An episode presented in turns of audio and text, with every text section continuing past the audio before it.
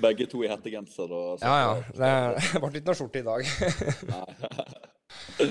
Nei, men eh, da starter vi, hvis du er klar.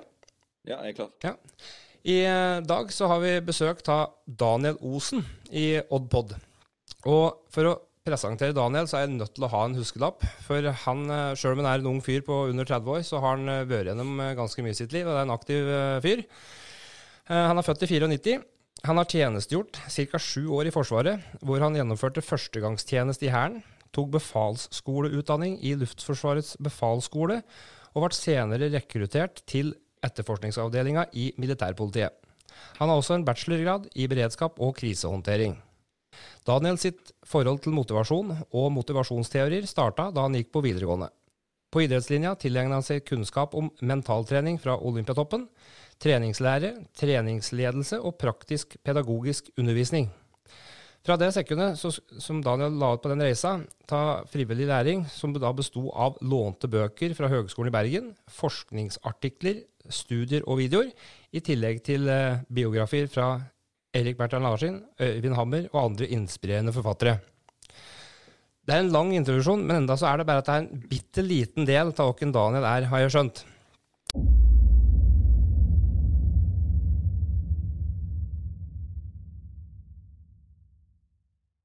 Og eh, måten vi fikk kontakt på, er rett og slett at eh, Daniel sendte meg en melding på, på Instagram og ga meg et kompliment.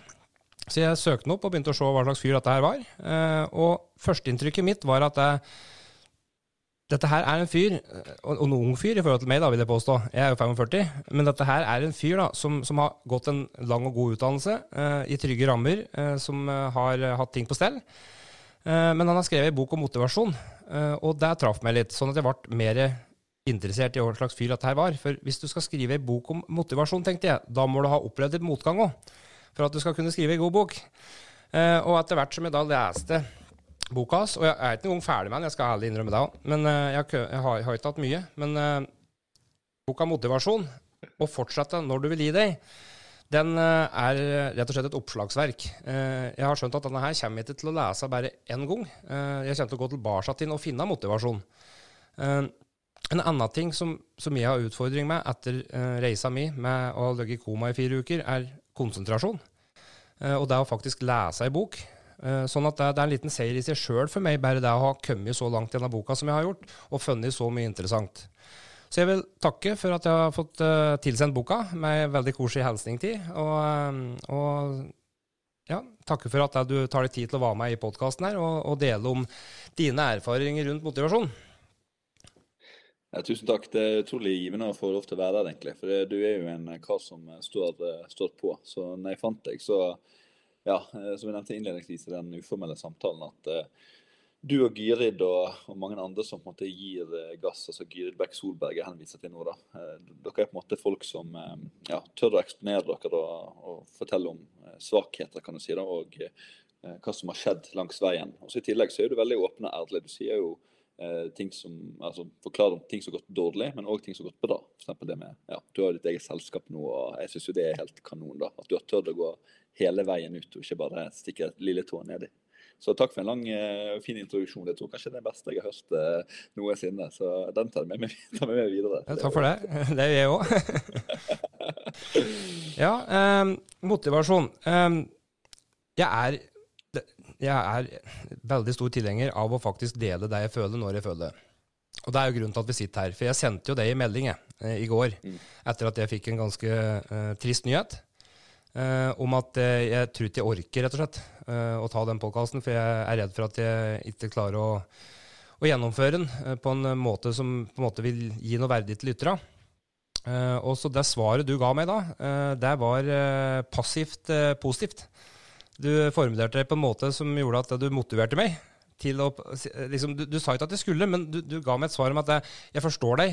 Eh, men så la du inn en liten touch på at jeg, eh, men, eh, Så jeg skjønte at det, dette her er jo verdifullt, eh, det du liksom på en måte deler her. Så jeg ombestemte meg og sa nei, vi kjører. Vi gir bang, og så kjører vi. Og så får det bli som det blir. Uh, og jeg tenkte også tilbake da på når jeg delte delte om uh, da jeg skulle slutte å ruse meg. For da òg var jeg med i tre podkastepisoder og fortalte om tilbakefallene mine få dager etter at jeg hadde hatt dem. Uh, sånn at det er verdien av å dele når du har følelsen, den er større enn en behovet jeg har for å ligge under pleddet hjemme nå og, og, gi opp i noen dager. Så dere får ha meg unnskyldt hvis jeg ikke er helt i vater eh, tankemessig. Men eh, jeg tenker at det her blir en eh, fin utfordring for deg på en måte, å prate litt på motivasjon og åssen jeg kan bruke boka for å, for, for å snu den, den, negative vibrasjonen som jeg er til da, om dagen. Ja, for, for, akkurat det du nevner der, sånn, jeg får jo litt sånn frysninger. for uh, Jeg setter veldig stor pris på at, at, du likte det. Uh, for jeg har på en måte fått hva skal man si, ikke kritikk, men jeg har fått sånn at jeg kan være litt defensiv noen ganger. At f.eks. hvis Nå har jeg noen kunder innen mentaltrening, da, men også rundt venner. at Dersom det er snakk om skal vi gjøre det eller skal vi ikke gjøre det, så har jeg kanskje tenkt det at ok, hvis ikke de føler for det, og ikke de har lyst, så jeg tenker på det at vi må spille på, måte, på den følelsen og la det eh, på en måte, ligge litt. Grann. Men så vet du at du er en uh, energibombe ut av uh, Ville Vesten. Uh, og, og, så tenkte jeg at når du skrev det du skrev i går, og det var en veldig trist nyhet du, du tørde å meddele til meg, det syns jeg. Uh, så tenkte jeg at nei, vet du hva, nå skal vi, nå skal vi gi litt gass, ikke sant, og, og tørre. Så det å på en måte se situasjonen din For jeg har jo noe lignende i min familie.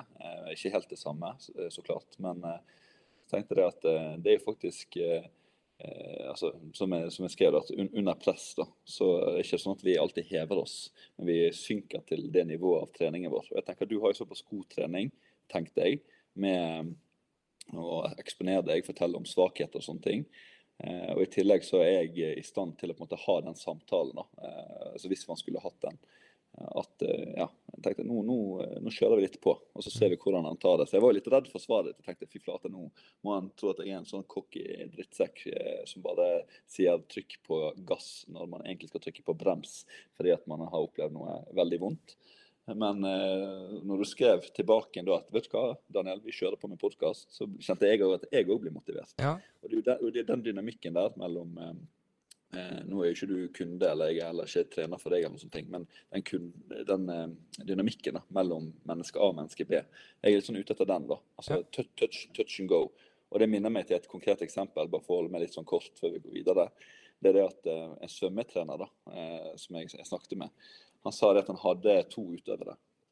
Den ene han var veldig glad i den der eh, Kom igjen, eh, Lars. Eh, svøm hardere, og du er ikke kjelleren ennå, din eh, patetiske lille dritt. Eller et eller annet. Sa noen voldsomt stygge ting altså, for at han skulle gi gass. Mens han andre han tok tak i treneren sin en gang og sa at vet du hva, når du driver og skriker sånn til meg, så har jeg lyst til å bare begynne å spy. For det er så masete, du er så klengete, og jeg orker ikke deg. Jeg vil ha samtaler, dype samtaler én til én, men den ropingen din den kan du bare gå lenger ut på landet med.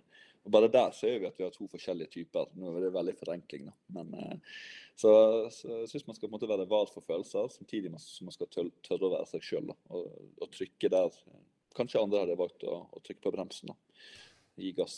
Mm. Men er det ikke det, det, akkurat det du sier der, er det ikke Jeg mener i hvert fall at det er det som kjennetegner en god coach. da det å, å, klare å kjenne på de grensene og, og, tøye dem akkurat så langt at du på en måte finner faktisk motivasjon til å si at OK, vi går for det likevel. At du, ikke, at, at, du, at du ikke, aksepterer svaret mitt. For jeg har jo allerede fortalt det før, det, før vi, at jeg var i en, i en veldig vond periode. Så der visste du. Men du vet jo òg, mm. som sagt, du har jo gjort litt background-sjekk, ikke sant? Og, mm. og, i din natur med den uh, utdanninga du har gått, og, og, det, så vil jeg tro at du, du bruker det som et grunnleggende element i alle slags samtaler du egentlig har. da. Så jeg tror at det, å være en god coach, det handler faktisk om å, å, å vite hvilke grenser du kan tøye da, med hvilke folk og hvilke personligheter. sånn at jeg ser på det som et trygghetstegn, da, hvis, det, hvis det, de reagerer sånn. Ja, for jeg har jo utviklet meg, jeg også. Og det tenker jeg er liksom viktig å ta med. Jeg tenkte faktisk jeg skulle si her i podkasten at eh, f.eks. gjennom Athenas foredrag, da, det er jo Nordens største foredragssenter. Her må, her må folk bare eh, korrektere meg holdt å si, hvis jeg har feil, men jeg mener iallfall det er det. Og når jeg kom inn dit, eh, så har det på en måte gått veldig bra. Og folk har sett at det har gått veldig bra. Sant? Det har vært mye sånn ternekast seks eh, gang på gang, og noen gang ternekast fem. Men det folk ikke vet, er jo at jeg har jo levert en eh, ternekast fire en gang, jeg også. Så sier jeg ikke det er veldig dårlig, men jeg sier at det er på en måte litt sånn under par av det du forventer av en foredragsholder når du betaler ja, jeg vet ikke jeg, sånn mellom 5 og 15 000. ikke sant? Da forventer du på en måte et produkt. Eh, så folk vet ikke det harde arbeidet alltid som ligger bak, og den motgangen man får der. Jeg skal ikke si at det er sånn kjempemotgang og jeg skal på en måte legge meg under teppet og begynne å grine, men den følelsen du får der og da, den er på lik linje med som at noen slår opp med deg, eller som at noen dør. For du føler deg så svak i øyeblikket. Og den følelsen der, å tenke sånn Wow, nå leverte jeg egentlig et litt dårlig produkt. Shit, hva gjør jeg nå? Og da, eh, i hvert fall jeg, da, jeg blir jo litt sånn obsessed. Jeg, altså jeg kan gå OK, er det kommafeil i powerpointene mine? Er det feil farge? Bruker jeg fargene rød for mye, for den fremmer aggressivitet? Det vet vi fra psykologien. Altså, Jeg blir helt sånn noia. Og så var det en som sa til meg, det var veldig fint sagt, jeg var en dame da, hun sa det at du må huske det, Daniel, at du kan ikke please alle. Uh, og spesielt ikke når halvparten av gruppen holder foredrag for, de ser på klokken sin og tenker når er det flybussen min går til Gardermoen. Mm. altså, sånn, folk vil hjem fra et seminar. Man har kanskje hatt en, uh, hatt en uh, sosial samling. sant? Kanskje det har vært noen drinks på kvelden. Nå skal jeg ikke på en måte skylde på andre faktorer, for det er jo jeg som leverte dårlig uansett. Altså, Ansvar og skyld er på en måte helt, ekstra, altså, helt til stede. Men ja, det å gå inn i seg sjøl der og kjenne hva, hva, er feil, eller hva gjorde jeg uriktig. Mm. Så, nei, jeg syns det der er gøy. Ja, det er artig det du sier med fargepsykologi og litt sånne ting. For jeg har så vidt vært inne på det, og med fargen blå som gjør det rolig, og at du studerer bedre og konsentrerer deg. Jeg, jeg, for jeg bruker alle de små tinga. For at jeg begynte å studere sjølutvikling, da, for å hjelpe mm. meg sjøl, eh, med Tony Robins og kurset hans, så, så, gikk det opp et par skikkelig skikkelige lys for meg. Eh, og, og det, det, var sånn at det første som gikk opp for meg, er at det finnes ingen mirakelkur. Det er sånn derre Du må jobbe. Du må legge ned tida. Du må ofre ting. Du må gjerne betale for det, eh, og med penger du ikke har, kanskje. Altså, du må selge ting. Altså, du, må, du må virkelig ofre ting da, for å komme dit. Og, og, den reisa der, det er så viktig å få fram uh, hva den betyr for videre suksess og motivasjon og, og inspirasjon og alt dette der. For jeg har, jeg, jeg har en sterk hendelse i livet mitt knivstøkk koma, lært meg å gå alt. Ja, den er sterk, den. Men den forteller ikke noe om meg som person. Jeg er en rusmisbruker. altså Den forteller ikke om barndommen min, åssen eh, jeg oppfatta ting der. Eh, sånn at det, det, du får bare et lite innblikk. Og det jeg deler på Instagram nå, og skal pakke alt inn i et, et, et kort øyeblikk da, som skal motivere, så, så, må du velge bort og velge ting som på en måte du, du føler treffer det store og brede publikummet. Uh, og så må du ta med deg de små seierne om at det er den ene meldinga du får fra den ene personen som bare sier 'tusen takk for at dette her du delte, dette her redda dagen min'. Uh, og da, da, er det sånn der, da får jeg frysninger i hele meg. Og så, da, da, for å si det, da driter jeg nesten i resten, for da traff jeg den ene personen som, som, som kjenner den følelsen jeg hadde. Og, og, så jeg har vært litt flink på måte ta til med de små tinga. da som de deler. Eh, det med fargepsykologi. Når jeg sitter og jobber nå, så skriver jeg alltid med blå penn. Jeg skriver for hånd, for jeg bruker flere muskler. Jeg tar, og rer senga mi hver morgen, som McRaven, som du prater på i boka di, eh, lærte meg. Eh, etter jeg hørte det foredraget med McRaven, så begynte jeg å re senga mi hver morgen. Jeg snudde, Hvis jeg hadde glemt det, så snudde jeg ikke inn at jeg gjorde det. For det ble betydende så mye for meg. Og, og, Vi kan prate litt mer om det senere for å forklare hva det er. Men, og dette er, finner jeg ikke i boka til Daniel nå, så det, det, er absolutt bare å lese den. Men, men, det jeg skulle fram til, da, var at det, um, det vi ser da, på skjerm, uansett, det er en del av verktøyene som funker. Vi blir ikke vist hvorfor de, fungerer. hvorfor de fungerer.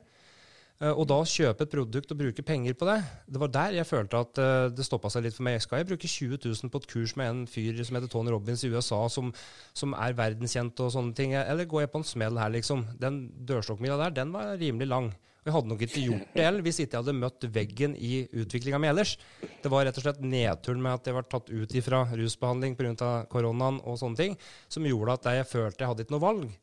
Og når du ikke har noe valg, da kan det hende at du tar gode avgjørelser for deg sjøl som gjør at ting snur. Og ha fokus på de små tinga da. Men for å bli litt mer bekjent med deg, på en måte hva nå har jeg lest boka di, så det er veldig lett for meg å skravle løst eh, om ting jeg på en måte kjenner deg med. Men, men, hvis du skal forklare litt igjen om, eh, om, om, boka da, og, og, og, barndom, hva som gjorde at du på en måte fant inspirasjon i det du fant inspirasjon i. Hva var det som på en måte, hva opplevde du som, som gjorde at motivasjon på en måte ble et tema? Ja, nå er jeg litt sånn som deg at uh, du, vet, når man har snakket i en del podkaster, så, så, sånn at man blir lei av sin egen stemme. og sånn her, Hva har jeg fortalt før? Men da har jeg funnet ut én ting. Og det er at uh, jeg er ikke hovedpersonen i uh, andre sitt liv. Jeg er hovedpersonen i mitt eget liv. Så jeg skal prøve å ta det på en forfra en gang til, sånn at det blir uh, lett, lettest mulig å svelle. Ja, det, tar, det, del gjerne med dine ord. og det, det Ja. Så, så nei, sannheten er jo det at jeg var i førstegangstjenesten, og så tenkte jeg rett og slett hva er forskjellen mellom menneske A, som eh, er lett for å eh, måtte tilbøye seg endringer, altså det vil si at eh, man får jo mange oppgaver i Forsvaret. Du skal lære deg masse nye ting. altså Pusse sko, ha på deg uniformen riktig, re sengen, skyte, sanitet, taktisk kjøring med bil osv. Eh, versus menneske B, som eh, synes endring er rett og slett et helvete. Altså Det er vondt å få tilbakemeldinger hele tiden. Det er vondt å re sengen, og det er vondt å pusse skoene. Og Jeg tenkte aldri at det var noe feil med på en måte den ene eller andre, men jeg tenkte sånn, hm, dette er veldig interessant. Hvorfor hater noen å endre seg eller tilpasse seg en firkant som heter forsvaret.no? Eh, så da begynte jeg å notere litt eh, i boken min. Og så tenkte jeg hm, dette her er jo egentlig bare mine meninger og min synsing, så dette er egentlig ikke verdt noen ting, tenkte jeg. Og så var det en venninne da, som sa det at du kan jo kjøpe deg noen bøker og lese litt mer. Og så tenkte jeg men da skal det være gode bøker. Og da hadde jeg ikke mye penger med de dagpengene i Forsvaret, så husker jeg leide eh, en bok. Og så kjøpte rommet mitt bestående av fire stykk, det var året seinere, på befalsskolen. En eh, bok om sosialpsykologi fra Høgskolen i Bergen. Så da delte vi utgiftene på den, men så fikk jeg lov til å beholde den eh, som en sånn snillisme fra rommet. Fordi at de sa at eh, du er mest interessert i det, det merker vi. Så du får bare, bare ta den boken, du. så sånn begynte det. Eh, og eh, ja, jeg går jo på en måte ikke inn på så mye sånn med barndom og sånne ting. Har jo fått litt sånn journalister som prøvde å fiske litt uh, i det. Det var kanskje én jeg åpnet meg til en gang tilbake i tid. Men uh, det har vært mye, mye, greier der. da. Og jeg vil si at jeg har ikke opplevd det verste, men jeg har ikke opplevd det mildeste heller. Mm. Uh, så, så, man kan jo snakke om det her med belønning og straffesystem med pisk versus gulrot. Og det, det, var litt sånn det var hjemme. sant? Altså, gjorde noe som var feil, så, så, var det pisk. ikke sant? Så, så da ble det litt sånn at min vei var litt sånn som din vei, at du vil gi noe tilbake igjen. Man kan jo mm. bruke litt sånn der eh, Nå skal ikke bruke ordet teit, men altså, man kan bruke Arnold sin uh, regel nummer seks, 'give something back'. Sant? Og jeg kjenner litt på det. at ja, Selv om jeg er, jeg er jo ung voksen, snart 30, så kjenner jeg på det at ok, jeg har, jeg har overskuddet. Jeg har virkelig overskuddet til å gi tilbake igjen. Og jeg òg blir sliten, det skal jeg love deg. Uh, og nå har jeg 14 dagers ferie, men jeg prioriterer jo en podkast som denne her fordi at den er viktig, syns jeg. da. Uh, og ellers så er det viktig å huske å koble av når man skal koble av, og være på når man er på. Men uh, uavhengig, jeg kjenner på et overskudd, og da er det nesten sånn at jeg kjenner på at det er egoistisk av meg å holde det tilbake igjen. Hvis jeg har et overskudd, og uh, vennen min ved siden av meg har et underskudd, så tenker jeg det er min oppgave å få den med, med seg. Og det er litt sånn forsvarsmentalitet. At har du overskuddet, eller har du Eh, mental kapasitet. OK, bær litt av vekten til sekken til han ved siden av deg, da. Eller hun ved siden av deg. Eller ta de posene. Bær de fra Rema 1000 og hjem. Eh, og hvis jeg tar litt av posene dine, så kan det være at det blir litt lettere for deg i en kort periode. Så lenge eh, det her er liksom viktig sånn forskningsmessig, så lenge jeg ikke bærer posene dine hele veien, altså dvs. Si, eh, flere dager på rad. For da til slutt så vil du slutte å bære dine egne poser, og da vil du ende opp som den store taperen. Så det gjelder jo på en måte det å mm. ja, ikke ta vekk for mye belastning, men ja, i en kort periode så går det fint. Ikke gå veien for meg, men med meg. Amen. Der har du det. Mm. Uh, nei, og det som, Derfor jeg spør om uh, si, hvor du på en måte fant inspirasjonen din fra. for at jeg, Etter å ha lest boka di, så, så jeg klarer ikke å la være å sammenligne oss to.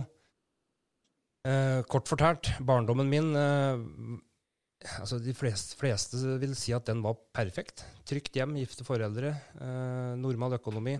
Eh, fikk alt to år etter det andre. Når andre fikk Levis, så fikk jeg Levis med dobbelt fra Spania. Altså, så, jeg, så, jeg følte meg helt utafor allikevel, for jeg er jo barn. Altså, jeg ser jo etter forskjellen på, på hva de prøvde å gjøre for meg, og pr virkelig prøvde å kjøpe de tinga som, som, som, skulle glede meg, og, og ble tatt imot med, med, at jeg var misfornøyd. Eh, sånn at jeg tror at unger har på en måte Det som skjer oss, da, om det er med pisk, eller om det er med følelser, eller om det er eh, Så oppfatter ungen det som en slags straff, eller en sånn at du ikke har ikke fortjent bedre.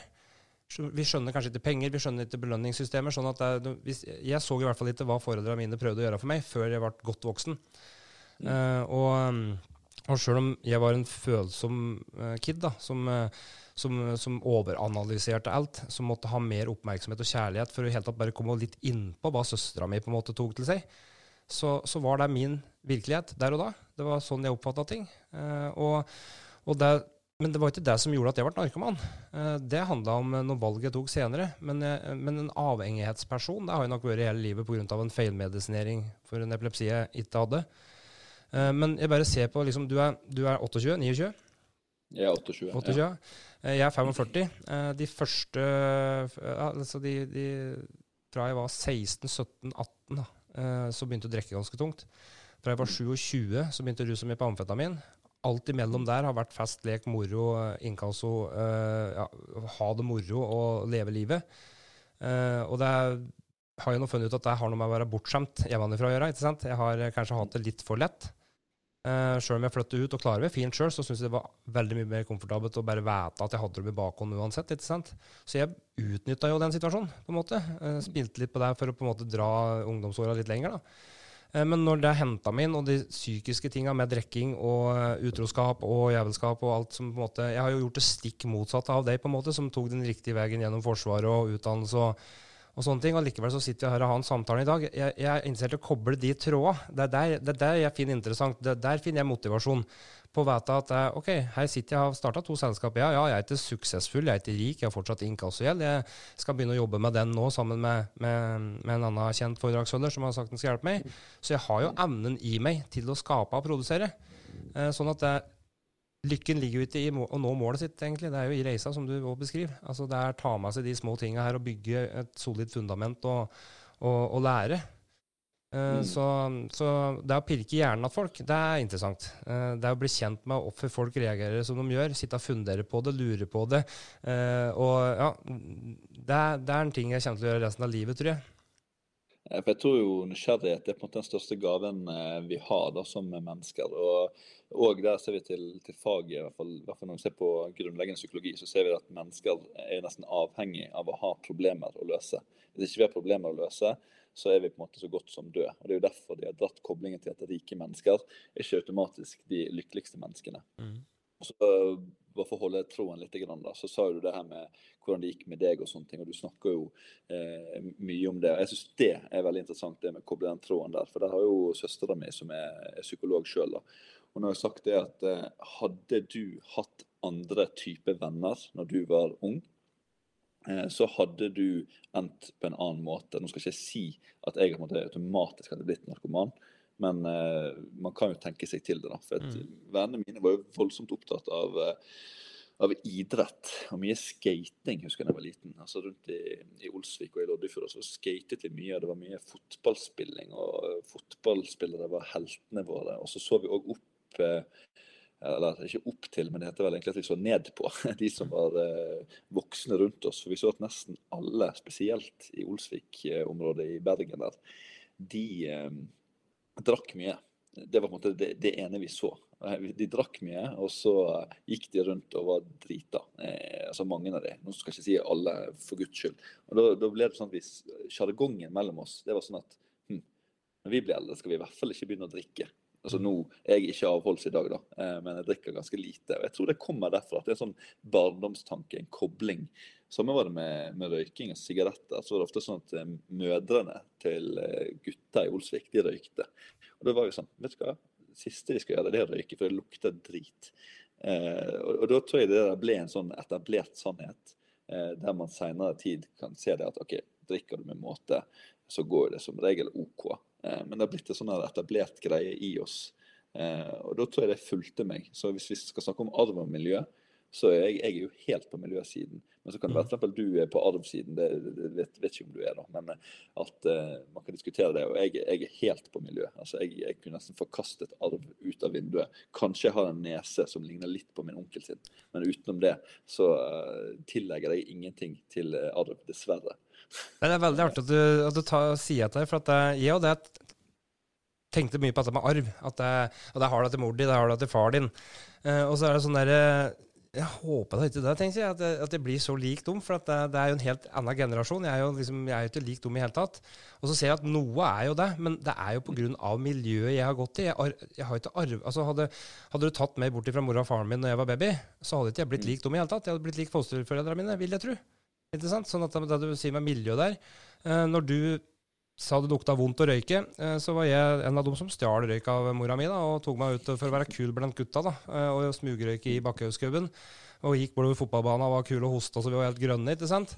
Uh, sånn at det, det, altså, hva, hva, er det som får to personer da, måte, til å ta, ta, så forskjellige valg? Og Jeg vil jo da også påstå, uten at vi skal gå nærmere inn på det, da, men at du sier at du har hatt noen utfordringer i barndommen som jeg ikke har hatt. Hva er det som får, hva gjør at du tar de riktige valgene, mens jeg tok de andre? Altså, hva, hva, er det som på en måte Jeg anser meg sjøl som å komme fra et ryddig hjem som på en måte ikke har jeg føler meg nesten skyldig hvis jeg skylder på, på noe der, da, hvis du skjønner hva jeg mener. Uh, selv om det er virkelig ting å ta tak i der òg, det er ikke det, men, men, det er liksom andre ting.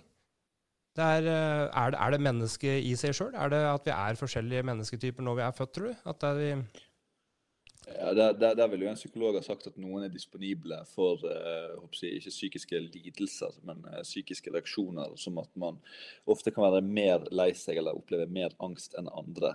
Mm. Og så vil nok kanskje en lege hatt en mer somatisk uh, vurdering og kanskje sagt at nei, men vi er alle like. Men hvis vi ser i nevrosentrene til hjernen, så ser vi at ja, noen får Eh, andre signaler enn andre ut ifra om man har fått straff eller belønning i, i oppveksten. Og så er det på en måte meg og deg imellom her som, eh, som har erfart det som de prøvekaninene vi er, kan du si. da. Um, og Jeg tenker veldig mye på det med skyld versus ansvar, når du snakker måte litt fritt om hva du opplevde. Og jeg tenker at Hvis man tidlig opplever å få mye, altså la oss si materialistiske ting, altså goder, eh, og så, vil, og så senere ser man at livet er tøffere enn det å motta penger eller ting, så kan det bli kjedelig. Og når eh, mennesker kjeder seg, så søker vi spenning. Og Det er jo derfor folk snakker om Petter Northug og dette her med narkotika. sant? At eh, Eh, altså Noen slakter jo han, mens jeg ser det egentlig litt sånn altså Nå er jeg ikke psykolog eller lege, men jeg ser på det litt sånn at ja, selvfølgelig gjør han noe spennende etter at han har opplevd gull på gull på gull. Eh, masse oppmerksomhet fra media, damer, eh, kompiser, alt mulig. Selvfølgelig søker han noe annet det, det, det, er nesten for meg en så logisk forklaring at jeg, jeg klarer ikke å dømme han, selv om jeg burde det. Altså, jeg sier ikke at det han gjør er riktig. Det å kjøre ruspåvirket ekstremt farlig. Vil absolutt ikke oppfordre noen til å gjøre det. Men, eh, men at han gjør det, ja det er ikke utenkelig, tenker, tenker jeg. Fordi, fordi at eh, Ja, jeg drar det litt ut av rumpehullet mitt, men jeg tror at han kjeder seg. Ja. Derfor eh, prøver man å erstatte det tomrommet med noe. Og hvis du da erstattet det med å ruse deg og ja, hoste rundt på fotballbanen, sånn som du, du gjorde når du mm. var ung, så er det en helt logisk, åpenbar, rasjonell forklaring til at du søker noe eh, i det tomrommet. Mens kanskje jeg eh, altså vi, var jo, eh, si, vi var jo på en måte på samme sted, men jeg tror jeg var mer bitter og litt mer forbanna.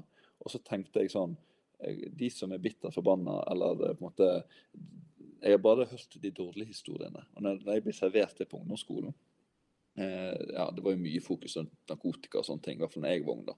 Og Da var det sånn at ok, da vil jeg gjøre det motsatte. Og Da begynner man automatisk å søke seg. Hva er det motsatte? Jo, det er kanskje å trene, kanskje det er få seg en jobb. Altså, Onkelen mine har jo sagt det, du er nødt til å få en skikkelig jobb. Det sa de tidlig. Og Da begynte jeg på Malingsfabrikken og på Dolly Dimples en periode. Og for Heistek Heistech AS og skrudde på møbler faktisk for et heisfirma. altså det er, jo, det er jo merkelig, sant. Men ved å holde seg opptatt, så rakk jeg aldri å kjede meg. Mm. Ser du den koblingen der? Jeg mm. rakk aldri å kjede meg, for jeg ble påpakket dette greiene her. At uh, livet er tungt, du er nødt til å klare deg sjøl, din uh, lille unge. sant? Og da, Jeg rakk ikke å kjede meg. og Jeg, jeg tror kanskje det. Eh, nå, nå, følte jeg at jeg reflekterte meg fram til svaret i, eh, i poden her. Og det er jo litt artig. alt det. Er jo egentlig derfor vi er her. Ja. Så jeg sitter med den følelsen at det er forskjellen. Jeg rakk aldri å kjede meg, men det gjorde du. Ja, uh, ja jeg, jeg, tror, jeg, jeg, tror, du har helt rett. For det, det, er, så, det, er, så, det, er, så, det er så godt å sitte og høre på dem. For du, du, er sånn som meg. Du, du, du, reflekterer over ting høyt, og så finner du ut svaret nettopp for at du sier det høyt. Det er, det er der som jeg syns er så digg med podkaster òg. For at det, du lærer ikke bare noe om andre, du lærer veldig mye om deg sjøl òg, i måten du bestiller spørsmåla på og svarer dem på, dem. Så for uh, det du sier der, med at jeg kjeder meg, det er vel det jeg husker best fra barndommen. Jeg, var, jeg kjeda meg hele tida. Det, det, for, men, men, jeg tror mye av det kommer pga. at jeg var overvektig pga. de epilepsimedisinene som starta å medisinere med da jeg var sju, som gjorde at jeg, jeg fikk jo 1000 mg orferil om dagen. Eh, noe som er eh, dempe store psykotiske eh, anfall av eh, pasienter. Så jeg gikk på det og husker veldig lite av barndommen min, som igjen gjør at noe av inntrykkene jeg fikk, også ble tolka feil, sikkert. Jeg var jo på en måte rusavhengig fra jeg var sju. Eh, så jeg tror at mye av det feiltolkninga mi ligger der, da. Eh, som gjorde at jeg ikke klarte å prestere i idrett. Eh, jeg syntes idrett var dritmoro. Eh, håndball, fotball, ishockey. Jeg prøvde alt, men jeg hadde jo så migrene, sånn at jeg, uansett hva som skjedde med meg, så, så lå jeg og kasta opp til at jeg hadde migrene og var sliten. Og fikk epilepsianfall. Sånn at det, det, fra sju og utover så tror jeg nok at det, mye av det var kanskje at jeg følte at jeg strakk ikke til. Jeg var ikke god nok. Som igjen prøvde å kompensere på andre områder med å være tøff i stedet for. da, eh, Og prøve å smugrøyke og være den som på en måte dro i gang de, de tingene der. Men så var jeg egentlig bare ja, en snill, god gutt som ville det det beste, så jeg var en dårlig badboy i tillegg. liksom, så det, Men eh, ja, jeg tror mye ligger for min del da, i, i, i medisineringa der. Uh, og, um, men, men, det er veldig artig å høre på deg når du, når du prater. Jeg, jeg, skjønner jo at du har tenkt mye om dette, og du sier jo det at du, du dukker jo djupt i alle ting du foretar deg. Uh, du uh, har brukt kognitiv tenking, vitenskapsbaserte artikler og studier. altså Du har studert det for å kunne bruke det i praktisk sammenheng. Og det er jo litt, sånn mer, det er litt lenger da, enn en vanlig mann i avisa som leser en artikkel i avisa. det er for at du, du lurer faktisk på hva er det som får mennesker til å gjøre det de gjør. Uh, mm. og, og det med frigjøring av endorfiner og idrett og sånne ting, det, kan det kanskje være, var det det som var rusen din? At det du følte Ja, absolutt. Det, det, det kjenner jeg veldig på. Og så sant, Idrett det er òg et sånn typisk sånn sted for uh, Eller for meg, jeg skal ikke si sånn for alle, for det er sånn typisk man, man sier. Men jeg skal si for meg så var det et sånt sted der jeg kunne være fri og ikke tenke så mye. Og jeg tenker Det beste for eh, noen, hvis de er opphengt i noe, det er de gangene du eh, utfører en oppgave, og så tenker du etterpå Shit, hvor ble tiden av? Det er kanskje de beste, eh, beste stundene jeg har. og Derfor får jeg ofte spørsmål sånn her ja, med mental trening, og så spør jeg sånn her, Bruker du visualisering og indre dialog eller monolog, eh, målsetningsarbeid? Ja, selvfølgelig gjør man det. Men for meg er kanskje det viktigste med mentalt treningsarbeid det er egentlig å gjøre at du frigjør kapasitet eh, egentlig til å ikke tenke. Altså Man skal tenke over selvfølgelig hvor man legger opp en treningsøkt hvis man skal gjøre det, eller arbeidsøkt osv. osv. Det er masse metoder opp og ned og i mente. Men kanskje det beste man gjør, er å gjøre sånn at eh, når du først arbeider, så um, går det på kall det en slags autopilot, og du trives med det. Hvis vi kan få til det, det er jo da man egentlig har oppnådd det, det det mentale treningsmålet, mener jeg. Sant? Så, så der er jo selvfølgelig noen ulike, men hvis man kan få det til å bli automatisert, da opplever jeg stor suksess. da. Ja, det er det, det, det jeg jobber mye med sjøl òg, at jeg vil ha det på et underbevisst eh, kompetansenivå. Altså at du, at du, får det over på autopilot. Uh, er, men der begynte jeg de små, da, på en måte med For å gå tilbake litt på motivasjon. Mm -hmm. nå, nå må, jeg bruker jo hele tida meg sjøl som et eksempel, for det, det, er det jeg er ekspert på. Sånn at jeg, jeg, jeg må hele tida på en måte bruke meg sjøl. Jeg, jeg, har lyst til å kombinere litt hva du faktisk forteller i boka di, med, med hva jeg bruker i hverdagen sjøl. For, eh, for, jeg syns den boka den, den, er såpass bra da, at den, når en som har PTSD eh, og um, dysosial personlighetsforstyrrelse, ADHD, et overaktivt hue, eh, og i tillegg har vært gjennom det jeg har på en måte fortsatt å lese ei bok om motivasjon, så er det noe i den som fenger deg. Eh, jeg hører stort sett kun på lydbøker, og dette er en av de få tunge, eller jeg kaller det tunge, da, men tjukke bøkene eh, på 300 sider, så, som, jeg, som, jeg, faktisk kommer til å fullføre, og som jeg har markert ut. altså Det gjør jeg bestandig når jeg leser noe, men jeg markerer ut de tinga jeg vil gå tilbake og bruke senere. Uh, og, men det å ha ting på et underbevisst kompetansenivå, det er jo noe av de tinga jeg prøver å, å, få de som på en måte uh, De som, som, spør meg etter hjelp, da. Uh, altså Jeg har så lyst til å gjøre det, men jeg vet ikke åssen jeg skal gjøre det. Og, og, målet da er å finne ut hvor du er hen i dag. Altså Vet du helt tatt noe om dette her? Ja, jeg har hørt om det. Ok, Men du kan det ikke? Nei. Da må du ta neste trinn. Da vet du hva det er, og du skal lære deg det. Altså Du er bevisst inkompetent. Og så skal du bygge de fire trinna på den stigen. Og det gjør jeg i alt jeg gjør, da. Eh, hvis jeg ikke klarer å se, visualisere at jeg klarer å ta de fire trinna hvor jeg kommer på et underbevisst kompetansenivå, så er det kun underholdning. Da er det noe jeg kan bruke som daglig motivasjon eller eh, for å booste meg der og da. Mens uh, boka di på en måte, den har eh, elementer i seg, da, både fra utdannelsen din, erfaringa di, og, og dette, med, dette med at du faktisk tar med andre mennesker inn som deler historien sine. Og, og han eh, historia om, eh, om Raymond i Thailand, f.eks. Eh, jeg, jeg, vet du hva, jeg, jeg, jeg, satt med tårer i øya, eh, og jeg hadde frysninger. Jeg, vet ikke hvor mange ganger jeg leste historia hans. Uh, for at uh, de følelsene han hadde når han våkna med den frykten rundt seg, altså det var som å gjenoppleve hele reisa mi sjøl. Uh, kort fortalt så hadde han en opplevelse i Thailand hvor han antageligvis fikk såpass juling at han ble omtrent slått i hjel, vil du tro? eller?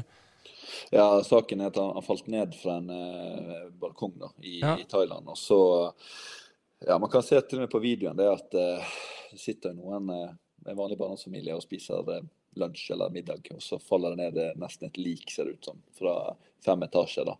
Og så døde jo han nesten åpenbart av det fallet. Og så er historien lik din etterpå, mm. fordi at han fikk såpass sterke morfinpreparater eh, og oksykontin og ja, osv. osv. At uh, han ble jo nesten rusavhengig. ikke mm. sant? Mm. Eh, eller han ble rusavhengig, jeg skal ikke si nesten, for det er litt sånn feigt. Men jeg uh, snakket mye med han. og Jeg snakket med han faktisk forrige uke, så jeg skal si det videre at du likte historien hans, for det setter han stort pris på. Ja, Han, han ville ha i podkasten min og, og, prate mer med liksom. Men det er, sånne, det er sånne folk jeg, jeg, vil prate mer med, som, som virkelig kan dele av de følelsene. For det, dette er jo en del av min helbredelse òg, og det er å faktisk på en måte prate med folk som har, har gjort eller opplevd det samme. På lik linje som at jeg prøver å prate med folk som er mer utdanna enn meg, og som har mer erfaring enn meg, for å lære ting, så, så ønsker jeg også på en måte å få ja, bekreftelse sjøl på det du har opplevd. sånn. Så, så den, det, det, den historien det var det som faktisk var det sterkeste i hele boka som, som, jeg har lest nå. Det var mange sterke historier, men det var den jeg kunne relatere til. Den som betydde noe for meg. da. Så, men du har jo om Miriam uh, med ME og, um, og, Linn, som er spesialpedagog for en utviklingshemma, som uh, har med den talemaskinen og Tobi og, og sånne ting. Og, og, der, der, og de tinga der, det er der jeg finner motivasjon i boka di. Ja, jeg, jeg gjenkjenner meg i, i Raymond. Du åpner alle slusene med følelser som, som, gjør at jeg virkelig Bare da jeg prater på det nå, så kjenner jeg at jeg, dette gjorde noe med meg. Uh, og så uh, tenker jeg på hva som har skjedd med de siste fire månedene, som gjør at jeg er faktisk jeg vil kalle det nesten deprimert om dagen. Altså, jeg er tom. Eh, utmattelsessyndrom. Det er, jeg har fått kasta alt på meg med sykdom og, og, nære relasjoner. og det er, det er, mye som gjør at jeg, jeg, har mye motstand mot å bare ta en podkast sånn som i dag. Eh, og så bladde jeg, så, så, så, så bladde jeg i boka di, og så begynte jeg å lese om Miriam. Eh, ME. Altså, ME er veldig likt utmattelsessyndromet. Jeg har jo det samme, bare ikke med smerter og, og sånne ting. ikke sant? Uh, og, sånn, og sånn, da, da satte jeg opp med en takknemlighet. ikke sant? At det, det kunne faktisk ha vært verre. ikke sant? At det å bruke de, at, det at de deler de historiene der med, med meg, da, og, og, og, virkelig åpne seg. For de, de, går ganske djupt i hva de opplever, og, med drømmer og knuste drømmer, og, og blottlegger seg mye. Det, hun skriver det at tårene renner mens jeg skriver dette her, liksom. Uh, og, det er det som gjør boka di så Hva skal jeg si? Ja, det, jeg, jeg, vet ikke om jeg finner ordet, for det, det er et oppslagsverk med masse følelser og, og læring, og, og, som gir deg alle de følelsene du faktisk trenger for å oppnå motivasjon. Sånn at du har på en måte oppnådd alt, da, mener jeg, da, i forhold til meg i hvert fall, og den opplevelsen jeg hadde med boka. Uh, for at uh, du kan ikke treffe alle, som du sa innledningsvis.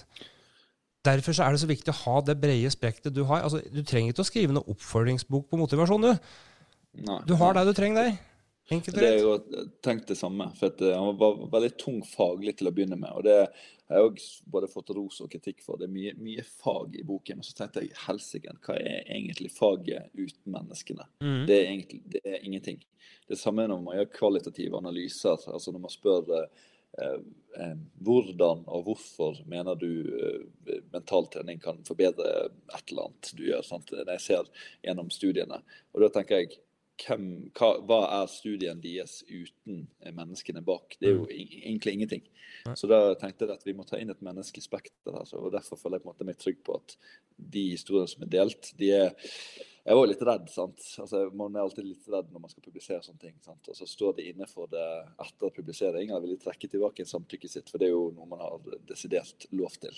Mm. Men uh, alle har på en måte en sånn uh, Vi er på en måte enige, da kan du si, mm. alle sammen, om at det her var viktig, og det var riktig.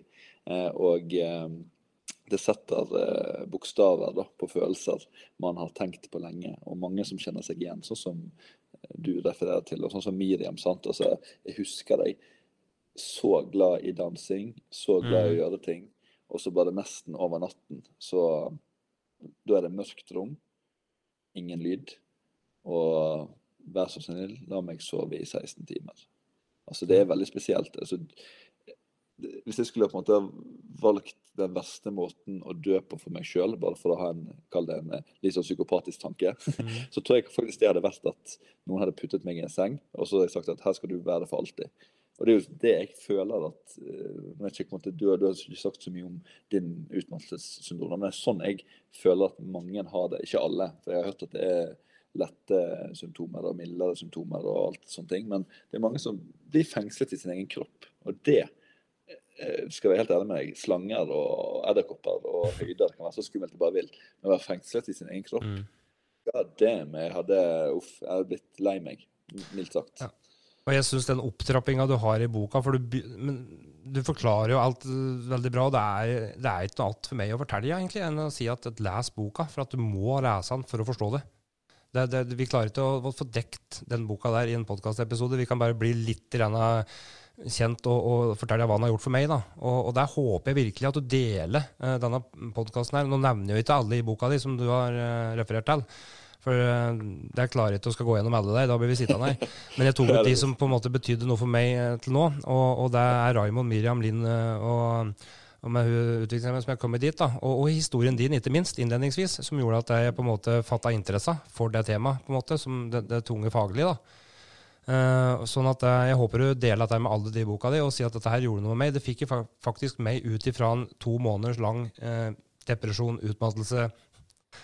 nå å prate med deg og, og det, så, så, var så snill og helst. For, det, for det, jeg skjønner de har lagt mye jobb i dette, jeg skjønner de har brukt mye følelse i dette, og, og, og det, det, nådde meg virkelig. og det traff meg. Og måten du har klart å pakke det inn på jeg tror ikke jeg har lest ei bok som på en måte er bygd opp på denne måten. her, eh, Så faglig tung, men lettfattelig pga. at du binder de eh, menneskelige aspekter opp i situasjoner. og, og, og ja, det, det, Jeg er imponert. Det er, eh, det, er, lettlest samtidig som det er tungt. Du, du, tar til deg det du trenger å ta til deg, og så, og så hopper du kanskje over de tingene du ikke finner så interessant. Men, men, det er jo det jeg mener at det er sånn en bok skal leses. For Eh, der, leste, der, lærte faktisk Bob Proctor meg. En bok skal, skal, leses for underholdning, men den skal studeres for læring. That, that's why it calls study. You read, you read because you read, uh, for, for, for, å få en forståelse. And you study if you want to understand. Mm. Uh, og det er, det er, det du skal gjøre hvis alle hadde skjønt hva du altså En bok skal ikke bare leses en gang og legges til. Oi, den var fin. Eh, hvis jeg tar fram boka di nå og tenker motivasjon altså i de tunge periodene Ok, ta fram Miriams historie, da. Det kunne ha vært 16 timer i stedet for de 80 jeg opplevde den ene dagen. Eller de to tunge da hvor jeg fortsatt orker å pusse tennene mine mens mora hennes pusser tennene mens hun sitter på do. altså Gjør, altså, tar du fram følelsen, da, så, så bruker du bok riktig. Da, da, bruker du den sånn en bok er ment å, å, brukes. Så jeg tror at de kritikken som du sier du kanskje får da, av dette, jeg tror ikke de gjør noe annet enn å lese. De leser, og så bare OK, dette her er formulert sånn og sånn, og så har de en vinkling på det. Men for meg som studerer, og som bruker å lese opp igjen historien for å kjenne på følelsen, eh, for meg så, så, så, er den boka der veldig riktig oppbygd, med, med, med, godt faglig eh, si, bak, eh, dokumentert innhold, liksom.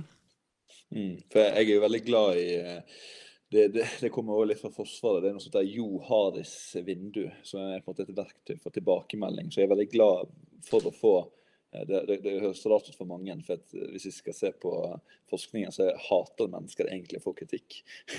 Men uh, gjennom årene i Forsvaret og med psykolog der, så lærte vi oss som gruppe å like det. Mm. Uh, og Jo Haris vindu, kort forklart, det er jo det at du har uh, et åpent felt. Dvs. Si at uh, du ser meg, jeg sitter med hvit genser nå og jeg prater vestlandsk. Uh, det vet jo jeg òg, og du vet det. Uh, også det skjulte. Det er jo det at, at gjerne jeg har et eller annet med meg. F.eks. at jeg har et dårlig forhold til min mor. Nå vet jo du det siden jeg fortalte det til deg, men det er en skjult side. Um, også den blinde siden. Dvs. Si at jeg gjør kanskje noen fakter i, i podkasten her nå som jeg ikke ser, som du ser. Eh, så du tenker hm, det er litt merkelig, hvorfor har han håret sitt sånn, f.eks. Og så er det siste det er den ukjente. og Den kan vi kun bli kjent med dersom vi begge ser det. Dvs. Si at jeg står på en fjelltopp, så ser du at oi, Daniel han skjelver i beina. Og så tenker jeg at oi, jeg skjelver i beina. Ergo vi er begge enige om at jeg har høydeskrekk. Mm. Eh, så det er på en måte de fire rutene i Johades vindu. da. Og målet med Johades egentlig er å bli kjent med den blinde siden av seg sjøl. Så hvis du kan måte forbedre si, Daniel-produktet ved å si det at når du snakker, Daniel, så mumler du litt mye, eller du mumler mye, så hadde du tatt vekk øh, øh, og erstattet det med å være stille, så hadde øh, budskapet ditt blitt bedre. Mm. Da kunne jeg vært sånn at OK, tusen takk, Odd, det skal jeg ta til meg. Og så kunne jeg jobbet mer med det. Og hvis man har den tilnærmingen, altså det med å si takk for tilbakemeldingen, jeg skal tenke på det, jeg skal prøve å gjøre noe med det, så tror jeg folk flest hadde blitt en bedre versjon av seg sjøl. Det er på en måte en veldig sånn mm. kvass påstand fra min side, men det, det, mener jeg virkelig. Så det med tilbakemeldinger, vet du hva, jeg elsker det. Eller jeg har lært meg å elske det. Ja.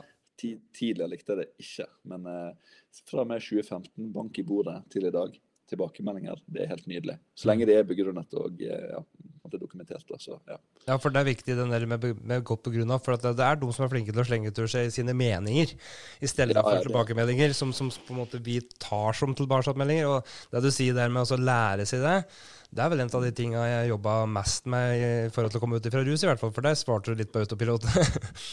Ja, eh, sånn, okay. sånn, at det, det, ja, det, det, er vel noe jeg har jobba mest med, det å takle tilbakemelding. Men der var det faktisk regnskapsføreren min som, eh, som sa det at vet du hva, sånn, sånn, sånn du reagerer på ting, sånn, så, så syns jeg det er veldig fornuftig av det. Og så vent tre dager du før du reagerer. sånn. Eh, og så gjør du det en måned, og så forteller du meg åssen det har gått etterpå. Og det gjorde jeg. Og vet du hva, livet var så mye bedre. Eh, hver gang noen på en måte stakk i meg, Eh, så tenkte jeg på han, og så bare gikk jeg unna. Og så, um, så sa jeg 'interessant', sa jeg. Og så, og så bare gikk jeg unna. Uh, og mm. der, vet du hva, den tilbakemeldinga du da gir tilbake, og, blir ofte da kanskje omformulert et spørsmål for å gjøre det bedre. Det blir ikke bare en forsvar, noe du gulpetur det. da. Så mm. nei, det, det med tilbakemeldinger det er veldig, veldig viktig. Uh, jeg har jo òg en talefeil. Jeg, jeg, stammer litt. Det er mye som har skjedd etter denne reisa mi. Men jeg tror det at når det skjer såpass mye med det fysisk og psykisk, så mm. blir jeg ikke så nøye på det som du er, tror jeg. Du som på en måte kanskje ikke har de uh, utfordringene der. Uh, du tenker kanskje litt mer over de små tinga. Mens jeg er sånn der ja, ja, det blir som det blir, jeg er som jeg er. Sånn at det, håret mitt får ligge som det er, og det, det får se ut som du gjør, jeg drikker kaffe og jeg snus og Ja, jeg har de tinga mine, liksom. Og jeg kan, jeg, ja, det gode med det er at jeg kan faktisk bli bedre, da. Det, det er håp om å forbedre seg. Ja, for Det liker jeg, for du, du, tenker på å flytte de store steinene, ikke de små steinene. Og de små, små steinene er jo sånn ja, hår, eh, kanskje at man snuser og sånne ting. Men så kanskje det store steinen er noen andre ting. Kanskje det er riktig utstyr for lyd, eller kanskje det er noe. Noen andre ting. da. Uh, og Jeg er jo veldig for dette med, med meningsdannelse. da. Altså Hva skaper mening for oss uh, opp mot det med tilbakemelding. Altså Det at du driver med det du gjør, det opplever jeg at det skaper veldig stor mening for deg. da. Altså Du har en stor meningsdannelse rundt, uh, rundt det. Også det andre du sier, det her med å ta seg litt betenkningstid før man, før man, svarer. Det er jo litt artig. for sånn Med de store avgjørelsene, sånn skal man ha boliglån eller skal man inngå et ekteskap og sånne ting, så jeg er veldig pro form av å ha analytisk tankegang. altså Dvs. Si system 2, som Daniel Kahneman eh, bl.a. har skrevet om i boken sin 'Thinking Fast and Slow'. Eh, mens f.eks. hvis det er en vennskapelig prat eh, der jeg måtte forvente et svar fort, intuitive svar, så setter jeg større pris på det, merker jeg. Og det har jeg lest litt om. fordi at eh, hvis du, hvis du, svarer intuitivt, altså raskt, så opplever du personen som mer ekte. Altså Personen eh, svarer det de faktisk mener. Altså, hva syns du om den steinen der borte? Så sier kompisen min den er dritstygg. Så sier jeg vet hva, det setter jeg pris på at du deler med meg, istedenfor at vent litt, jeg skal tenke på det.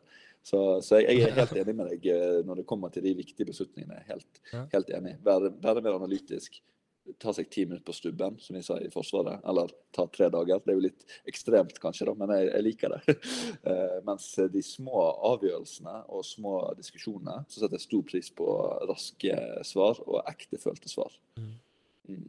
Men jeg er nok òg mye mer på alle punkter. Altså, jeg, jeg sier at jeg, jeg vet jo at dette er et A4-menneske. Eh, det kan du bare se på livet jeg har levd.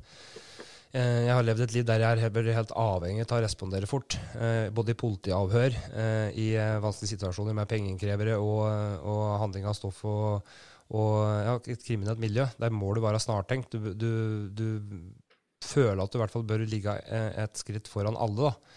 Sånn at det å ta av seg den jakka og gå inn i et A4-liv, det er vel kanskje det som har vært mest jobb med å lære seg å reagere på en måte som ikke sårer andre. da.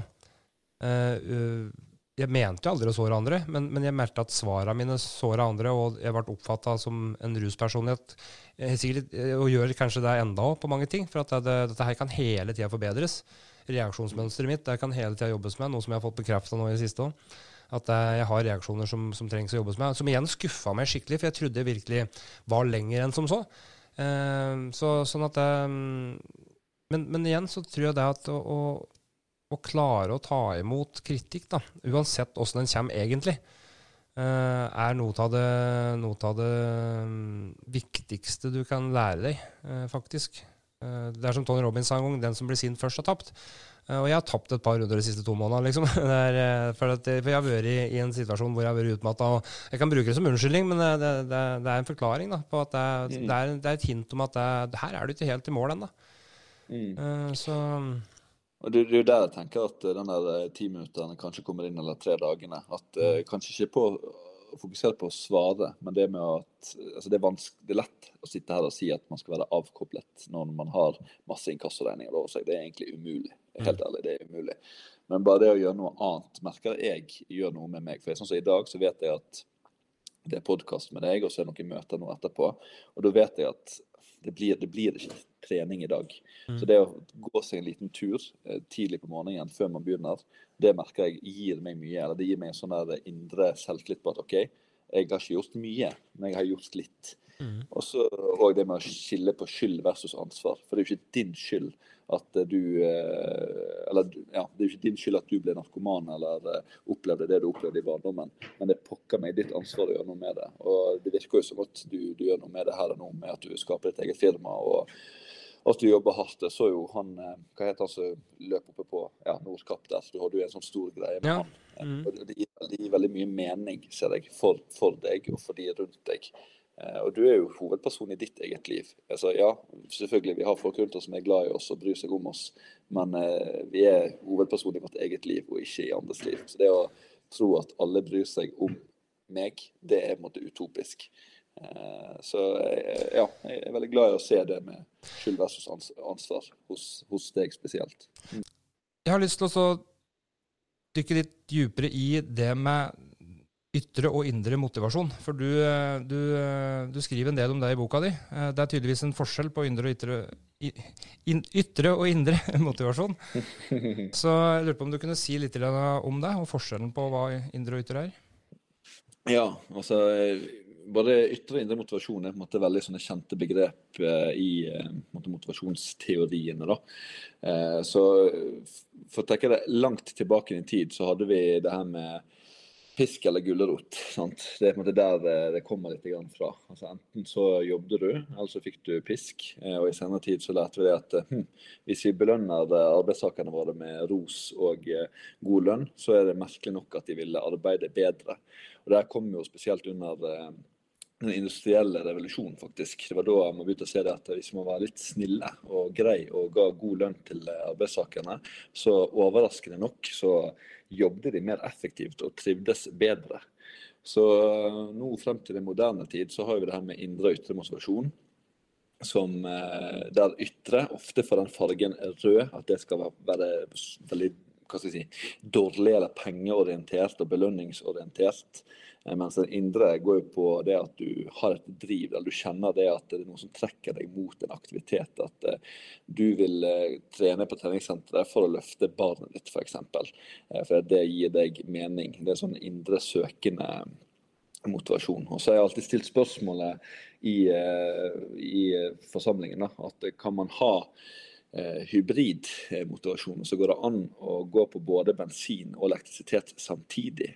Eh, eller er det bare helt umulig? Og Da ser man bl.a. på studier fra eh, West Point Academy, en av de mest prestisjetunge krigsskolene i, i, USA. Nå, er det litt sånn kjipt å bruke sånn militærreferanser, for at noen kan føles litt utenfor. Men det er derfor der dataene er hentet fra. da. Og Der så man en sånn tydelig eh, klasseskille, faktisk. At de som svarte at de vil bli ledere fordi at de skal få eh, makt eller maktposisjoner og kunne bestemme ting, de presterte dårligere på prøvene. Eh, mens de som svarte at eh, hva skal man si, de vil bli en, eh, en, leder for å kunne eh, utvikle sine ansatte, eller de som vil ta måte, organisasjonen til nye høyder ved hjelp av både etiske retningslinjer og si, talentutvikling, bli bedre på skyting. De skåret bedre på testene. Og Så kan man stille seg spørsmålet kanskje de var bare disponert de to ulike gruppene kan du si, for at noen er bedre på skolen, mens andre ikke er god på skolen. Såpass objektiv. Jeg er litt sånn, jeg er litt sånn opptatt av det, at vi må være litt eh, objektive. Eh, men eh, likevel så gir det i hvert fall en pekepinn da, på at, at den indre motivasjonen kanskje er sterkere, eller eh, gjør at du har et sterkere driv mot å utføre oppgaven da, enn at du kun ser pengesekken. Da. Så Det er jo den kjente forskjellen. Og så er det mye som har kommet i senere tid med ja, SDT, da, eller selv eh, selvdeterminasjonsteorien. som er på en måte, ja, Det er jo det, sier Ryan, som er på en måte noe annet igjen. da, Som handler om det å mestre noe på jobb og ha selvbestemmelse. Eh, og det å føle tilhørighet til en gruppe. Så det er eh, Man kan si at det er en videreutvikling fra indre ytre motivasjon igjen. Sant?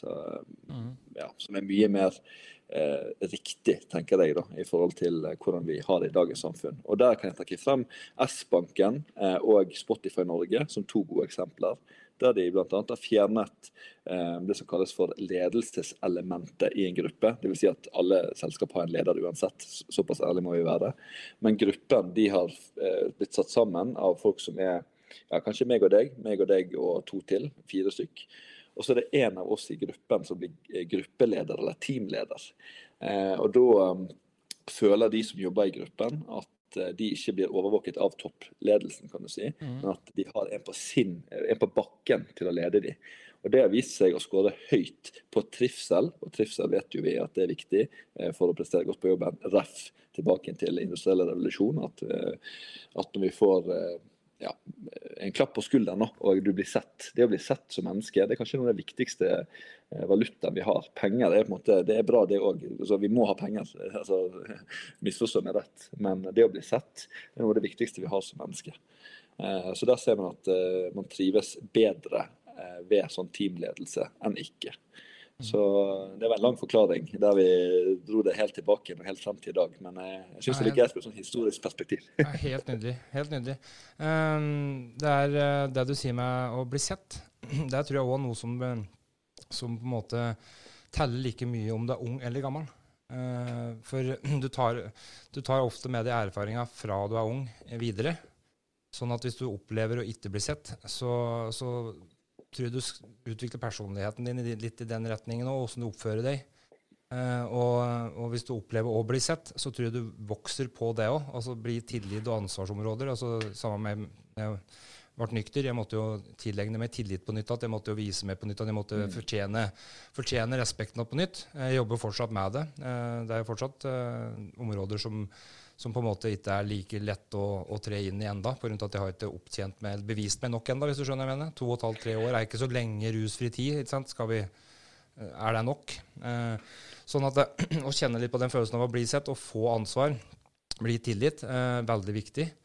Eh, så en dokumentar på TV nå, jeg husker ikke hva den heter for noe, men det var eh, en organisasjon eh, som hadde som, som drev og protesterte mot hva var det de protesterte mot, da? Eh, nå husker jeg ikke hva de heter for noe, men det var i hvert fall en, en organisasjon som, eh, som, hadde dialogen sin på, eh, på, Discord, tror jeg, eller på Telegram, eller noe sånt. Eh, hvor det ikke var noen leder. Den, eh, det var jo mange tusen, mange, mange tusen. Eh, de protesterte med å lenke seg fast i rundkjøringer i, med stillasjer og sånne ting. og ikke voldelig, da. Og noen var arrestables. altså De eh, dro det så langt at de ble arresterte hvis det var nødvendig. Og så var det de som ikke hadde lyst til å ødelegge rullebladet sitt. Så de hadde en veldig klar intensjon på det. Uh, og, og, der var det ingen leder, for de ville ikke bli en slags type gruppe da, som utvikla seg til å ha en lederskikkelse som, der alle fulgte flokken. Her skal alle ha noe å si. Hvis noen syntes at det var dumt å hoppe på taket på trikken på T-banen midt i beste sendetid, så, så valgte de som ikke ville være med på det, og stå for det. Og så endte det opp med at det var to stykker som drev seg loddrett ut. ikke sant? De måtte ta hele ansvaret for sine egne handlinger, men det skada ikke resten av gruppa. Så det er litt interessant å se det med at hvis arbeidslivet òg begynner å tenke litt sånn, så tror jeg òg at det, da vil du òg få luka ut de som faktisk er der for penga, eller er der for mm. jobben, og du kan mye lettere gi arbeidsoppgaver. OK, du vil jobbe for penger. Her har du en arbeidsoppgave hvor du virkelig kan eh, tjene på å yte for penga. Eh, her mm. du ønsker å jobbe og utvikle noe. Her kan du eh, se litt langsiktig på ting og, og utvikle det i selskapet. Og, og, for en leder så tror jeg det er veldig viktig å, å få skilt de de òg, da. Sånn at du på en måte kan ha best mulig vekst, og ikke minst trivsel i, i flokken.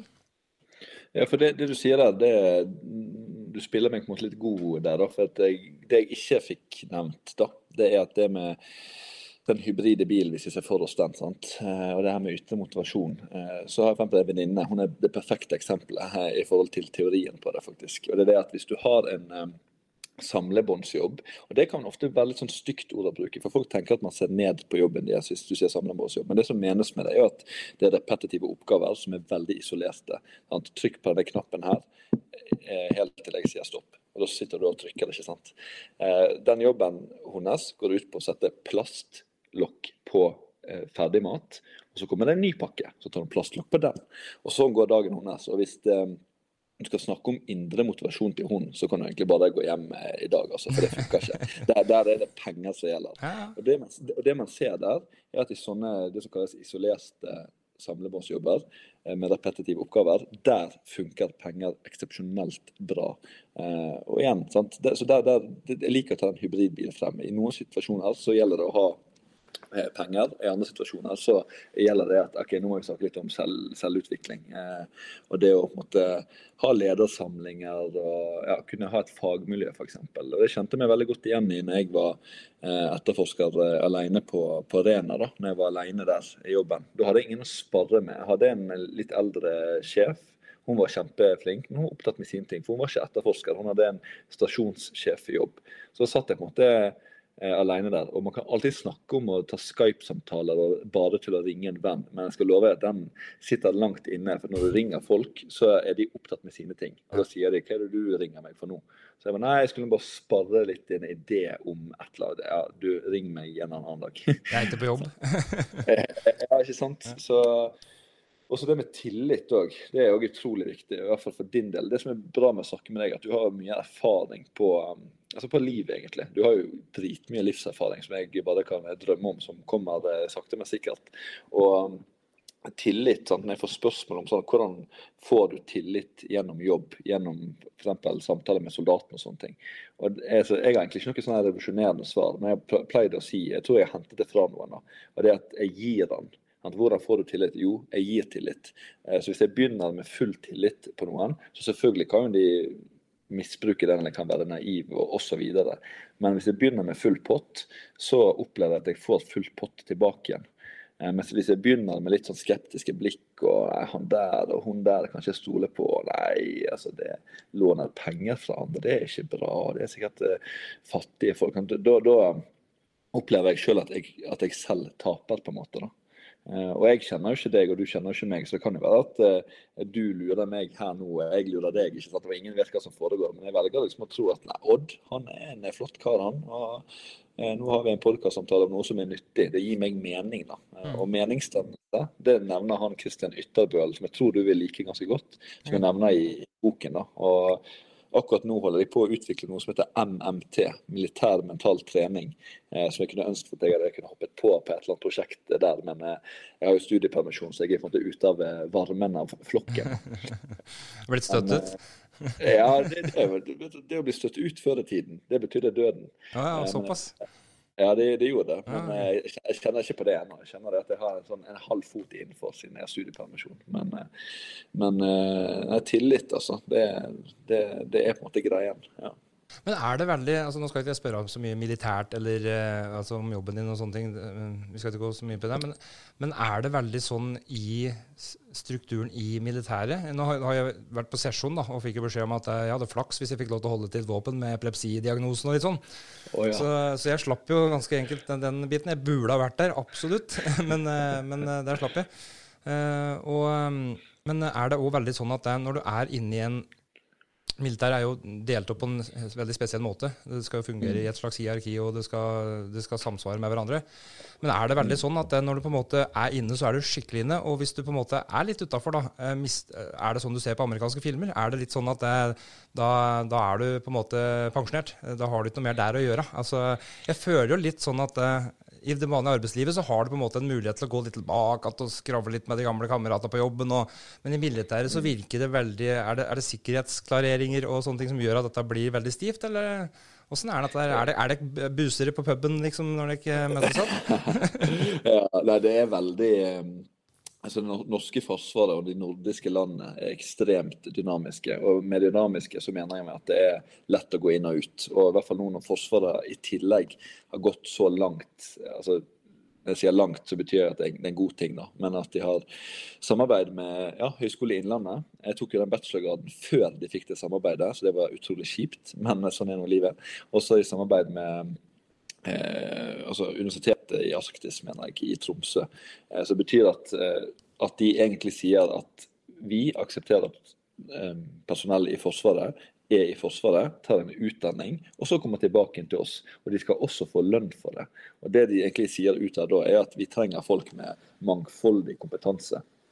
For det å ha masse grønne personer inn i Forsvaret, og når shit hits the fan, og det, la oss si at det blir krig, det er derfor vi har et forsvar, for at ingenting skal skje, altså bevare freden, så er det viktig at eh, vi har folk som forstår de eh, sivile eh, si, prosessene. Hvordan, hvordan fungerer det? Hvordan snakker man med en kar som eier et anleggsfirma? Altså, hvordan, hvordan tenker de? Å ha masse grønne folk i Forsvaret, det lønner ingen.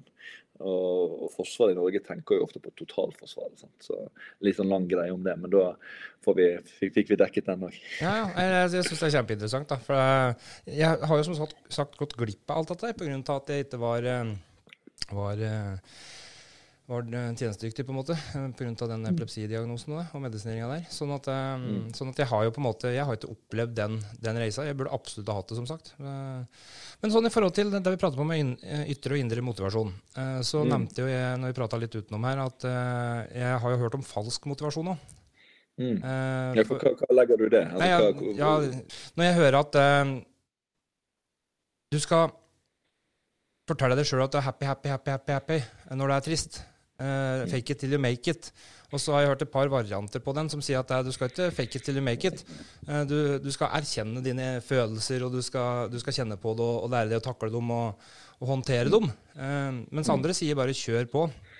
Og det jeg tenker som er falsk motivasjon, da, det er nettopp det. Altså skal du, For å motivere meg nå da, i en, en tung periode, som jeg er til nå eh, Jeg prøver jo å bruke de teknikkene jeg leser meg til. Jeg prøver å høre på, lese boka di og, og oppmuntre meg da, og finne den indre Ja. motivasjonen eh, til, å, til å fortsette eh, når jeg egentlig vil gi opp.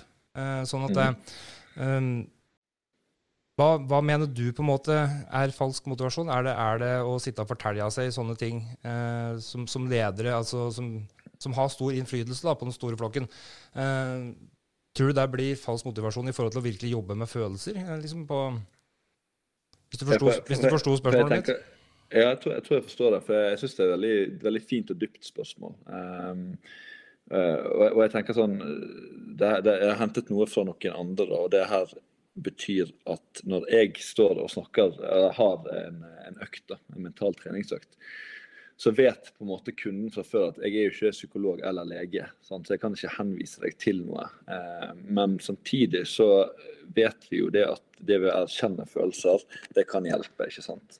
Men så er jeg litt sånn sånn, ok, hva søren betyr det? Og så for når jeg hører at du skal være bevisst på ting fy flate, altså Jeg er jo enig i mye, men jeg spyr litt av ordet. For å være bevisst på ting, det, det er veldig vanskelig i hverdagen. F.eks. hvis man sier at eh, man skal være bevisst på å tenke på nødutganger eller på førstehjelp, da, i tilfelle det skjer noe på en buss eller et eller annet. så, så kan jeg love deg at nesten ingen kommer til å gjøre det over tid. For du, altså, du, prioriterer de tingene som ligger i frontallappen, altså fremst i minnet. Og det å åpne en dør eller om det er kaffe med Ruth, det vet jeg ikke. Eh, men, men det, det, det, skjer bare ikke. Så jeg pleier ofte å si dette her, og, og det er det at eh, nå har du en vanskelig periode, eh, og nå ønsker jeg at vi skal, vi skal snakke om det i, i ti minutter. Det er sånn litt sånn fiktiv tid, da, men i ti minutter. Og da skal vi snakke om alt som suger. Mm. Og da gjør vi det. Og når vi, når vi, gjør det, så blir det ofte, det blir ofte tungt. og det kan, Jeg har opplevd at det, blir, det kan bli gråting. Jeg òg kan gråte, ikke sant? Men, men, det skjer et eller annet der. Og så når man er ferdig med det, så skal jeg ikke si at det blir hallelujastemning og vi skal klemme rundt hverandre, men da blir det en sånn her OK, da var vi ferdig med det. Mm. Og det, det jeg henter det fra. Det er en som er mentaltrener for toppidrett håndball. Eh, og, og, der var det en uh, utøver en gang som uh, ja, presterte dårlig, og det var noen dommerfeil. og Det var mye greier, da, kort fortalt. Da sa hun det at du, nå skal vi snakke om alt som sugde i ti minutter. For du har åpenbart følelser om det. og da kom det sant, masse greier. Fy flate, hun av spilleren skulle ha fått en på trynet, jeg skulle ha gitt henne juling og bla, bla, bla. Og så, sånn, og så er vi ferdig, og så liksom, du, du, kan nesten kjenne i samtalen om det er video eller ekte fysisk oppmøte, så nesten du føler sånn, luften har bare gått ut av ballongen i rommet. Mm. Skikkelig sånn klassisk stemning. Og etter det så er det sånn OK, hva, hva er neste målet her nå? Eh, skal vi mm. endre på målet? Skal vi justere ned treningsmengden litt grann, fordi at du har uh, prestert uh, for mye? Skal vi Eh, altså skal vi øke eller senke belastningen? Eh, og også det med å kjenne etter nå. Eh, er, er, det noe som du ser er utfordrende akkurat her og nå? Du nevnte noe i sted, faktisk. Du, nevnte det der med hvis folk har opplevd at det er trøbbel i forholdet, f.eks. For. Så, vi måtte flytte de store steinene. Da, da kan vi snakke om et par dager fri fra jobben eller treningsfri for å fikse de store steinene. Da er det forholdet som er på en måte tingen. Eh, kall det å identifisere problemstillinger. Mm. Og Så har vi nummer tre. og det at, og Da pleier jeg ofte å si at når du kjører på hullet i veien fordi at eh, Folk tenker sånn at ja, men jeg har en perfekt bil, altså en perfekt kropp eller perfekt liv. Og jeg treffer ikke noe, på noen hull i veien. Men jeg pleier ofte å si når du kjører på hullet i veien, for at alle treffer hullet i veien. Um, så opplever vi kanskje at eh, dekket vårt punkterer. Det skjer et eller annet i livet vårt. Sant? Eh, noe på jobben eller noe i familien, sykdom, eh, dødsfall osv. Så, videre. så pleier jeg å si det at ikke punkter de tre andre dekkene også. For det er ofte sånn at Når du først har tatt den snopebiten, og du ikke skal spise snop eller tatt den dråpen med alkohol, så har man til at eh, fanken heller, skal jeg bare, skal bare kjøre på, eller bare ta hele flasken, ta hele snopeposen. Og, og svaret der er nesten litt kleint å si det, men svaret der er nei. Eh, altså, ikke gjør det. Eh, selv om du har punktert ett dekk, så er det ikke vits å gå ut av bilen og punktere de tre andre òg. Eh, så eh, ja, nå, nå, snakket jeg på gjennom tre eh, sånne tips, som noen kaller det. Jeg er, liksom, jeg er, ikke helt fan av å bruke det, men kanskje noen råd da, eller noen veiledningsretningslinjer eller et eller annet som jeg holder meg veldig fast til. Mm endre mål, identifisere problemet og sånn, fikse det problemet som er foran deg. Og når du kjører på hull i veien, så ikke punkter de tre andre dekkene også.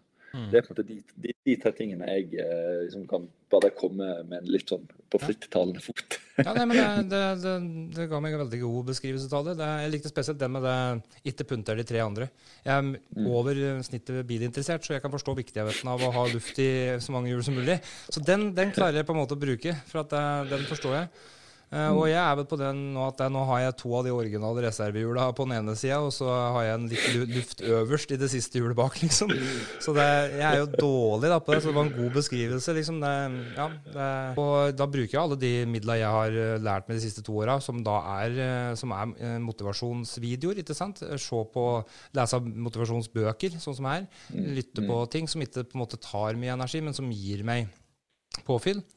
Uh, og så er det nok at koppen står feil i oppvaskmaskina, og så kjenner du at hele dagen er ødelagt. Det er sånn det, for at vi må være ærlige her, liksom. For det er det, jeg, det er det jeg vil med den podkasten. Jeg vil dele virkelig ærlig og ille der. Og det er som jeg sa til her, at det er mi altså, Det første jeg sa når jeg våkna fra komaen, jeg klarte å prate igjen, uh, det var noe jeg sa til søstera mi. Uh, for hun sa 'jammen er du en tøff negl', liksom. Du er en hard negl å knekke. Og da fikk jeg klemte med det at jeg, jeg, gir aldri opp. Jeg gir aldri opp. Det var noe av det første jeg sa. Uh, og når jeg tenker på å gi opp, så er det det som den vanlige mannen i gata kanskje tenker på å gi opp uh, prosjektet sitt. eller noe. Altså Jeg tenker på å gi opp livet. For at det, mm. dette her handler om livet, det handler ikke om prosjektet mitt. eller Det handler om hele livet, for at jeg har vært med ene benet i grava. liksom. Så, så, når jeg sier at jeg aldri gir opp, så er det sånn at jeg kommer aldri til å legge meg ned og dø. Jeg kommer aldri til å mm. ta livet av meg. Jeg kommer aldri til å, å komme så langt. Uh, for det er ikke noe alternativ. jeg kan gi opp, som jeg sa, men jeg gir opp kanskje en time, jeg gir opp en dag, jeg gir opp to dager. Eh, mm. Og så tilpasser jeg meg, omstrukturerer, og så, og så finner løsninger. Så for, for, for, det er jo det, når du sier de tingene, sant, så er det, det, på et så uh, alvorlig plan sant, at det, det, er viktig at, at du på en måte holder deg til, til den tanken der. at ikke det for, for, du kan jo si at det omvendte er jo de vi ser Jeg var jo nede på graven nå med onkelen min nå her i sted. Sant? Og det er jo selvfølgelig trafikkulykker skjer og sånne ting. Men andre ganger der man velger å avslutte selv, så, så jeg er glad du på en måte har klart deg. da, For du har jo vært i veldig mange vanskelige situasjoner. og altså, ja, Livet er jo å prøve og feile, og, eh, men det viktigste er jo å være ærlig mot seg sjøl. Du har jo åpenbart reflektert eh, masse på dette. her, sant? og ja. Og jeg deler jo om det for at jeg vet jeg tåler det. Eh, jeg tåler å høre det fra deg. Altså, det er det som er oppgaven, en av de større oppgavene mine i livet, mener jeg. At jeg skal dele de tinga som går galt, de følelsene som er vonde òg. Eh, mm. Uh, og det er der jeg på en måte prøver, eller håper på da, at jeg kan vare meg og tette gapet litt. Mm. Uh, men, jeg, det, men, det, er så viktig, mener jeg, og dette med motivasjon Det er så viktig å si at jeg, ok, nå har jeg hatt to gode år før jeg fikk det utmattelsessyndromet. Da, da, gikk det rett opp. Jeg starta to bedrifter, begynte å jobbe med inkassogjelda mi. Uh, fikk masse nytt nettverk. Uh, kutta all tidligere kontakt. Jeg har ikke rusa meg mer. Uh, jeg har mm. fortsatt med sjølutvikling og prøvd å utvikle meg sjøl til å bli den beste versjonen av meg sjøl. og, og funnet nye mentorer, norske mentorer, som òg er kjempeflinke, som, som, jeg, som jeg håper at jeg kan lære mer av.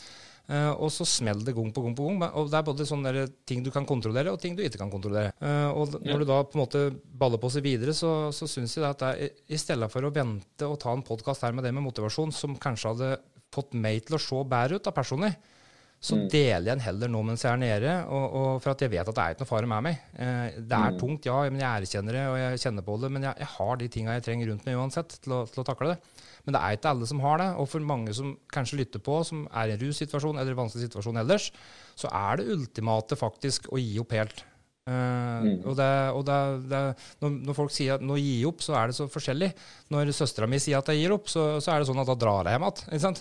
Mens hvis jeg, hvis jeg sa jeg ga opp før, så satt jeg nåla i armen og løste det. Sånn at det, er så vidt begrep, det er å gi opp. Men jeg syns at vi skal mm. erkjenne det, det er de som faktisk sitter og tenker mye på det. For, for igjen så har jo statistikken også vist at selvmordsgrafen, og spesielt for menn da, i Norge, har jo gått rett til værs. Så det er jo mm. tydelig at både koronasituasjonen og, og, Men ikke bare den, for den var jo på tur i været før den òg. Mm. At det er noe som er, ikke henger på grep. Det, det er jo noe som driver og skjer.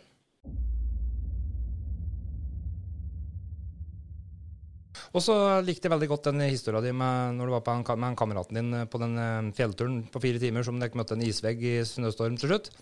For det å oppsummere litt sånn livet generelt, tenkte jeg. Altså, Dere hadde en god plan. Eh, der var det jo planlagt på en måte og tenkt gjennom. og og, og dere er jo virkelig turmennesker som har vært ute på reise før og er vant til militær planlegging og tilrettelegging.